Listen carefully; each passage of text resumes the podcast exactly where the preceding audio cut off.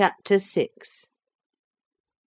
Mr. Hindley came home to the funeral; and, a thing that amazed us, and set the neighbours gossiping right and left, he brought a wife with him. What she was, and where she was born, he never informed us: probably she had neither money nor name to recommend her, or he would scarcely have kept the union from his father. She was not one that would have disturbed the house much on her own account: every object she saw, the moment she crossed the threshold, appeared to delight her, and every circumstance that took place about her, except the preparing for the burial, and the presence of the mourners. I thought she was half silly, from her behaviour while that went on: she ran into her chamber, and made me come with her, though I should have been dressing the children; and there she sat shivering and clasping her hands, and asking repeatedly, "Are they gone yet?" Then she began describing, with hysterical emotion, the effect it produced on her to see black; and started and trembled, and at last fell a weeping; and when I asked what was the matter, answered, she didn't know, but she felt so afraid of dying. I imagined her as little likely to die as myself. She was rather thin, but young and fresh complexioned, and her eyes sparkled as bright as diamonds. I did remark, to be sure, that mounting the stairs made her breathe very quick; that the least sudden noise set her all in a quiver; and that she coughed troublesomely sometimes; but I knew nothing of what these symptoms portended, and had no impulse to sympathise with her. We don't in general take to foreigners here, Mr. Lockwood, unless they take to us first. Young Earnshaw was altered considerably in the three years of his absence. He had grown sparer, and lost his colour, and spoke and dressed quite differently; and on the very day of his return he told Joseph and me we must thenceforth quarter ourselves in the back kitchen, and leave the house for him. Indeed, he would have carpeted and papered a small spare room for a parlour; but his wife expressed such pleasure at the white floor, and huge glowing fireplace, at the pewter dishes, and delf case, and dog kennel, and the wide space there was to move about in where they usually sat, that he thought it unnecessary to her comfort, and so dropped the intention. She expressed pleasure, too, at finding a sister among her new acquaintance; and she prattled to Catherine, and kissed her, and ran about with her, and gave her quantities of presents at the beginning. Her affection tired very soon, however; and when she grew peevish, Hindley became tyrannical. A few words from her, evincing a dislike to Heathcliff, were enough to rouse in him all his old hatred of the boy. He drove him from their company to the servants, deprived him of the instructions of the curate, and insisted that he should labour out of doors instead; compelling him to do so as hard as any other lad on the farm. Heathcliff bore his degradation pretty well at first, because Cathy taught him what she learned, and worked or played with him in the fields. They both promised fair to grow up as rude as savages, the young master being entirely negligent how they behaved, and what they did, so they kept clear of him. He would not even have seen after their going to church on Sundays; only Joseph and the curate reprimanded his carelessness when they absented themselves, and that reminded him to order Heathcliff a flogging, and Catherine a fast from dinner or supper. But it was one of their chief amusements to run away to the moors in the morning, and remain there all day; and the after punishment grew a mere thing to laugh at. The curate might set as many chapters as he pleased for Catherine to get by heart, and Joseph might thrash Heathcliff till his arm ached: they forgot everything the minute they were together again; at least, the minute they had contrived some naughty plan of revenge. And many a time I've cried to myself to watch them growing more reckless daily. and I not daring to speak a syllable, for fear of losing the small power I still retained over the unfriended creatures. One Sunday evening it chanced that they were banished from the sitting room for making a noise, or a light offence of the kind; and when I went to call them to supper, I could discover them nowhere. We searched the house above and below, and the yard and stables: they were invisible; and at last Hindley, in a passion, told us to bolt the doors, and swore nobody should let them in that night. The household went to bed; and I, too anxious to lie down, opened my lattice and put my head out to hearken, though it rained; determined to admit them in spite of the prohibition, should they return. In a while I distinguished steps coming up the road, and the light of a lantern glimmered through the gate. I threw a shawl over my head, and ran to prevent them from waking Mr. Earnshaw by knocking. There was Heathcliff, by himself: it gave me a start to see him alone. "Where is Miss Catherine?" I cried hurriedly. "No accident, I hope?" "At Thrushcross Grange," he answered; "and I would have been there too, but they had not the manners to ask me to stay." "Well, you will catch it," I said. "You'll never be content till you are sent about your business. What in the world led you wandering to Thrushcross Grange?" "Let me get off my wet clothes, and I'll tell you all about it, Nelly," he replied. I bid him beware of rousing the master; and while he undressed, and I waited to put out the candle, he continued: "Cathy and I escaped from the wash house to have a ramble at liberty; and getting a glimpse of the Grange lights, we thought we would just go and see whether the Lintons passed their Sunday evenings standing shivering in corners, while their father and mother sat eating and drinking, and singing and laughing, and burning their eyes out before the fire. Do you think they do?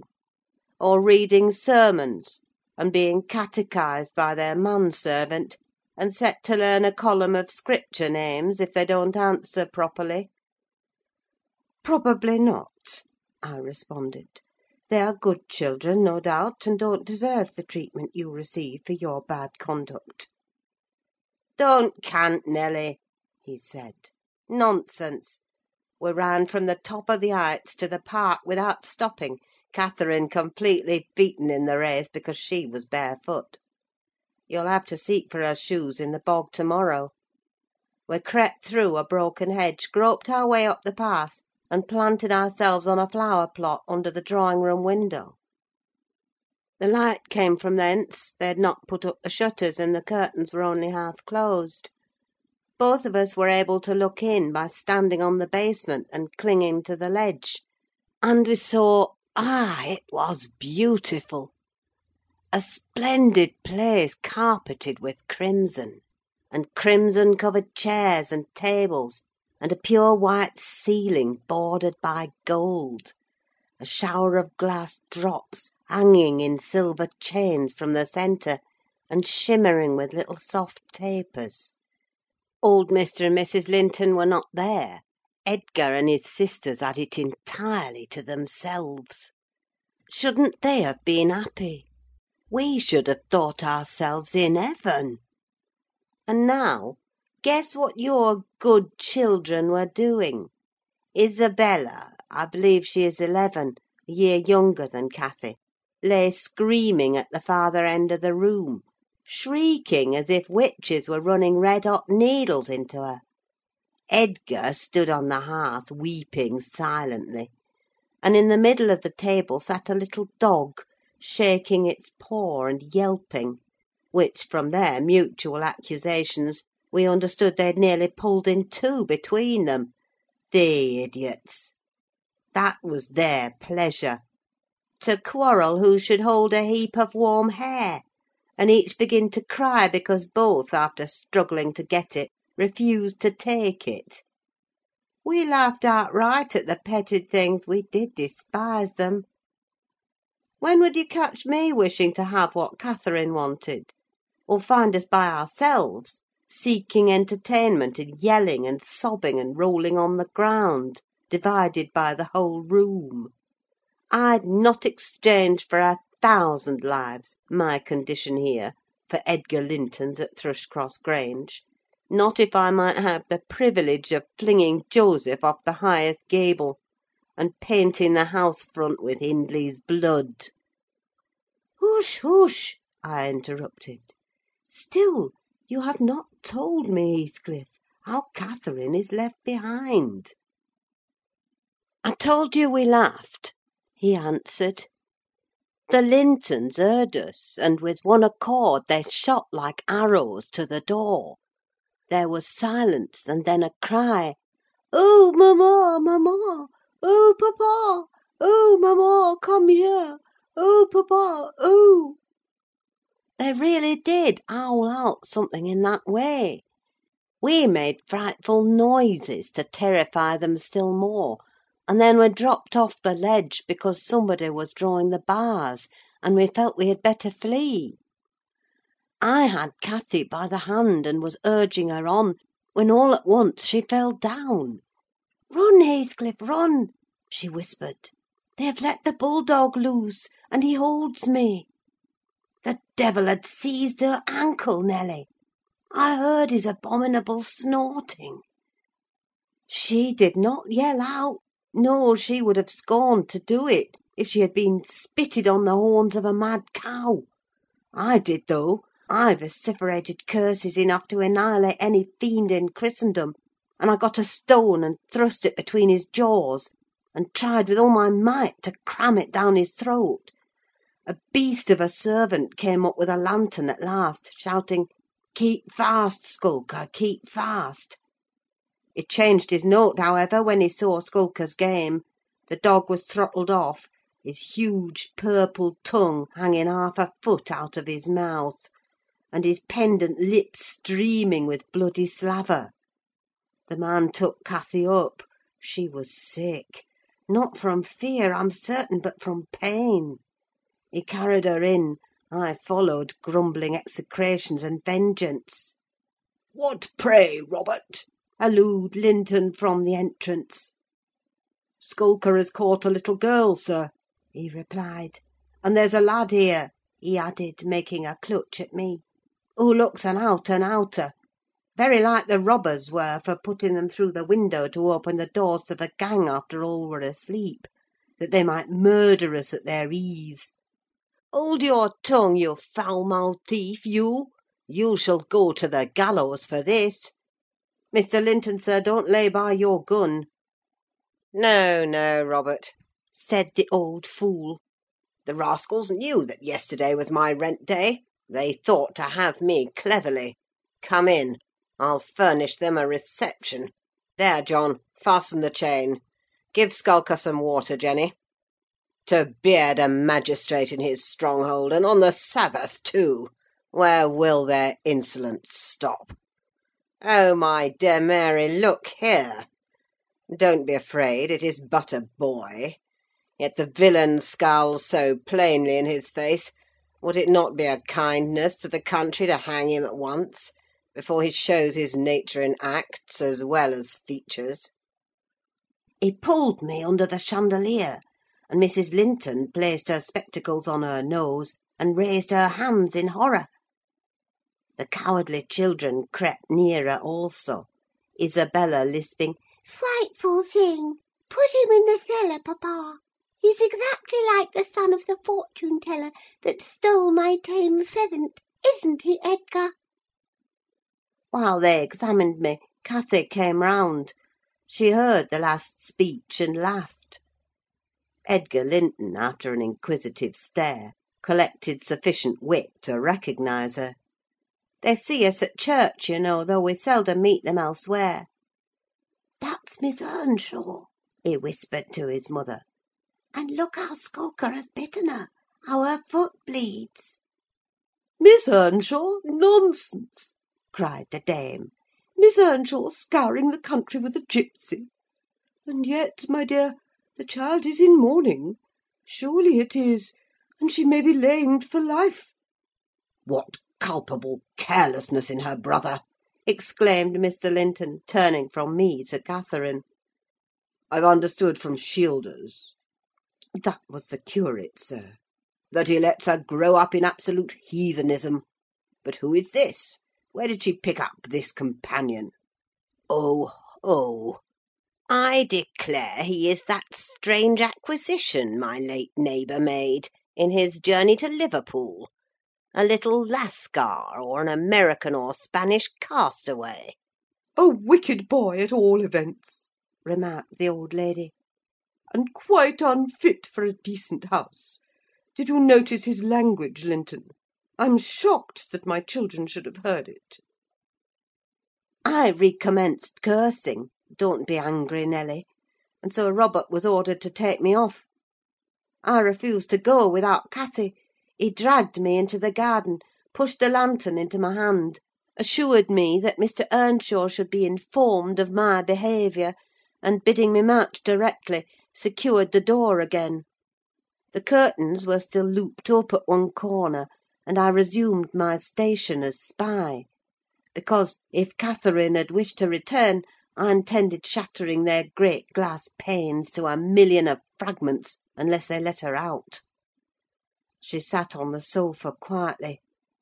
Mrs. Linton took off the grey cloak of the dairymaid which we had borrowed for our excursion, shaking her head and expostulating with her, I suppose. She was a young lady, and they made a distinction between her treatment and mine. Then the woman servant brought a basin of warm water, and washed her feet; and Mr. Linton mixed a tumbler of negus, and Isabella emptied a plateful of cakes into her lap, and Edgar stood gaping at a distance. Afterwards they dried and combed her beautiful hair, and gave her a pair of enormous slippers, and wheeled her to the fire; and I left her as merry as she could be, dividing her food between the little dog and Skulker whose nose she pinched as he ate, and kindling a spark of spirit in the vacant blue eyes of the Lintons, a dim reflection from her own enchanting face. I saw they were full of stupid admiration: she is so immeasurably superior to them, to everybody on earth, is she not, Nelly?